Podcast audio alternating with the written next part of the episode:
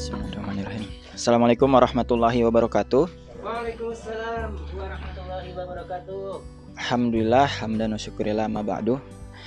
Puji syukur pada Allah Subhanahu wa taala atas segala limpahan rahmat dan karunia darinya. Selanjutnya salawat beserta salam semoga selalu kita lisankan kepada kudu Hasan Nabi Muhammad sallallahu alaihi wasallam. Ya, eh, jadi pada pagi hari ini apa ya? Ya sedikit sharing lah ya dan mungkin refleksi ke belakang dikit. Jadi waktu tahun 2017 akhir atau 2018 awal ya aku lupa pastinya sekitar itulah. Jadi aku pernah berikrar gitu, berazam lah ya, berazam sama diri aku diri sendiri kalau misalnya aku nggak bakal nonton drama Korea lagi pada waktu itu. Karena waktu itu aku merasa bahwa aktivitas itu kontraproduktif dengan kesibukan-kesibukan aku pada waktu itu akademik, organisasi dan sebagainya. Jadi mendingan nonton film biasa aja lah yang sekali nonton selesai gitu. Atau misalnya masih mending nonton film series-series Netflix ya yang dari US atau dari UK yang durasi dan episodenya lebih sedikit dibandingkan drama Korea yang kan udah episodenya banyak terus durasinya juga panjang. Aku ngerasa bahwa wasting time banget lah waktu itu. Jadi ya aku memutuskan udah nggak nonton lagi lah pada saat itu mulai dari 2018 awal terus 2019 sampai masuk 2020 berhasil lah puasa drama Koreanya. Nah sampai Oktober 2020 nah, jadi Oktober 2020 aku ngeliat tweet dari salah satu penulis favorit aku Paulo Coelho di Twitter. Jadi beliau nge-tweet tentang rekomendasi drama Korea. Jadi beliau baru habis nonton drama Korea My Mister namanya. Nah menurut beliau dari sudut pandang penulis ya itu skripnya bagus banget dan skenario bagus banget dan beliau merekomendasikan uh, drama Korea itu. Nah terpancing lah aku kan, jadi aku terpantik, tertrigger untuk wah kayaknya keren nih kalau sampai sekelas Paulo Coelho ngendorse series ini, kayaknya aku coba dulu deh nonton, nyoba satu episode dua episode. Ternyata abis 16 episode dan ternyata nggak berhenti sampai situ. Setelahnya aku lagi nonton lagi dan lagi tiga drama Korea lainnya. Jadi di akhir 2020 aku nonton empat drama Korea kemarin. Nah, eh uh, di akhir tahun kan aku mikir kan berarti puasa aku dua setengah tahun ke belakang tuh akhirnya nggak nggak nggak berlanjut gitu ya sia-sia gitu. Eh nggak sia-sia juga sih karena udah selesai kuliah juga kan. kan tujuan awalnya karena kontraproduktif dengan kuliah sekarang udah nggak kuliah. Tapi maksudnya kenapa kok akhirnya udah ber, udah bisa nih udah bisa nahan aku akhirnya uh, nonton lagi gitu sekarang.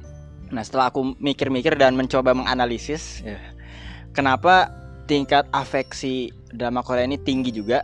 Eh begitu tinggi kalau misalnya dibandingkan series UK dan US aku melihat seenggaknya ada dua poin. Yang pertama itu series Korea ini terutama umumnya series-series dari Asia sih. Mereka tuh pinter banget memainkan emosi audiensnya. Jadi memainkan emosi ini mulai dari scoring dan soundtracknya yang melo-melo menyentuh gitu, terus ekspresi aktor-aktornya, terus dari bagaimana mereka intonasi suaranya, itu bikin memainkan emosi si penontonnya. Beda banget kalau misalnya kita nonton seri-seri barat yang ya sebenarnya flat-flat aja gitu. Maksudnya ya mungkin beda ya kultur barat sama kultur Asia gitu uh, dan memang ternyata kalau misalnya kita lihat rating TV ya, rating program-program TV yang memuncaki rating-rating teratas itu program-program TV atau sinetron yang memainkan emosi penonton. Reality, reality, reality reality show yang kayak gitu yang ada nangis-nangisnya lah, ada ada cerita-cerita sedihnya lah kayak gitu. Jadi itu yang ratingnya tinggi gitu kalau di kalau di TV. Nah, itu yang pertama memainkan emosi. Nah, yang kedua, series Korea ini spesifik series Korea itu pinter banget mereka men meletakkan cliffhanger di akhir episodenya. Jadi cliffhanger itu uh, yang ngegantung lah. Jadi pas flownya udah ningkat, ketegangannya udah tingkat, terus dihabisin episodenya. Jadi ini kan bikin si penontonnya bertanya-tanya penasaran wah ini harus lagi nih ini nggak mungkin kita harus selesai di sini terus ditambah itu ada setelah selesai episodenya ada sneak peeknya juga ada cuplikan-cuplikan untuk ke episode selanjutnya bikin bikin makin penasaran lagi jadi cuplikan-cuplikan itu yang bikin oh ternyata episode selanjutnya ada yang kayak gini kayak gini jadi kita tergerak lagi untuk maraton gitu jadi kalau aku triknya daripada nyelesain di akhir episode mendingan aku nyelesain di tengah-tengah episode pas flow-nya lagi turun gitu. supaya nggak terbawa harus maraton-maraton lagi kayak gitu sih kalau aku biasanya.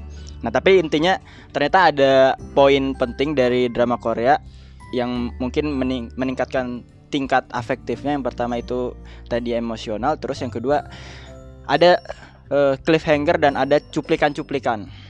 Nah, berhubungan dengan itu uh, dulu aku waktu masih di kampus ya, masih di LDK suka nanya sama teman teman-teman aku kayak gini.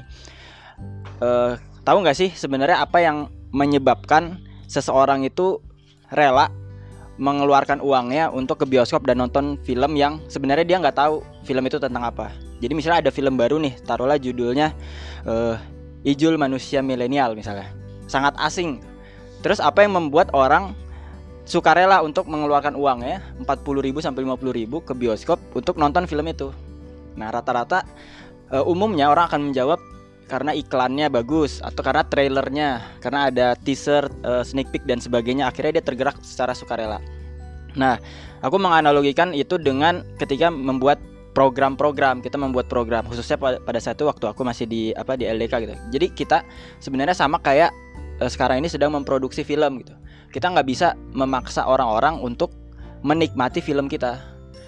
Yang bisa kita lakukan kita membuat sebuah uh, sarana metode ya gimana orang-orang itu timbul rasa penasaran uh, akhirnya mereka suka rela untuk uh, mengikuti atau menyi menyimak program-program kita jadi sebenarnya kita ini adalah pembuat-pembuat trailer gitu pembuat-pembuat sneak peek pembuat-pembuat cuplikan gitu uh, bahkan kalau misalnya orang-orang tertarik dengan trailer yang kita buat dia bukan hanya mengajak dirinya sendiri, dia bisa mengajak orang lain gitu. Eh tahu nggak nih, ini trailer ini bagus loh. Ayo kita nonton nanti ke bioskop gitu. Nah ini hal yang sama juga kalau misalnya, oh ini ada kegiatannya kayaknya bagus deh. Uh, nanti ke sinilah kalau misalnya kegiatannya udah mulai gitu. Jadi uh, semakin baik kita membuat trailer dalam tanda kutip atau sneak peek ya ini bisa meningkatkan rasa sukarela calon penerima manfaat kita untuk kemudian dia bisa sukarela mengikuti tanpa perlu dipaksa lagi.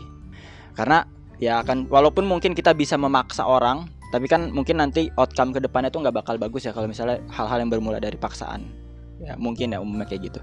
Nah jadi ya mungkin itu uh, sedikit keterhubungan mulai dari series Korea yang ada sneak peek sneak peeknya terus ternyata ketika kita ingin membuat program juga ya baiknya kita mem memunculkan rasa-rasa penasaran si calon penerima manfaat ini dengan menampilkan trailer cuplikan dan sebagainya. Ya mungkin uh, itu yang bisa aku sampaikan di pagi hari ini. Semoga ada yang bisa diambil ya. Dan jangan terlalu banyak nonton apa pun ya. Karena yang berlebihan itu nggak baik Nah ini pesan buat diri aku sendiri juga. ya terima kasih. Assalamualaikum warahmatullahi wabarakatuh.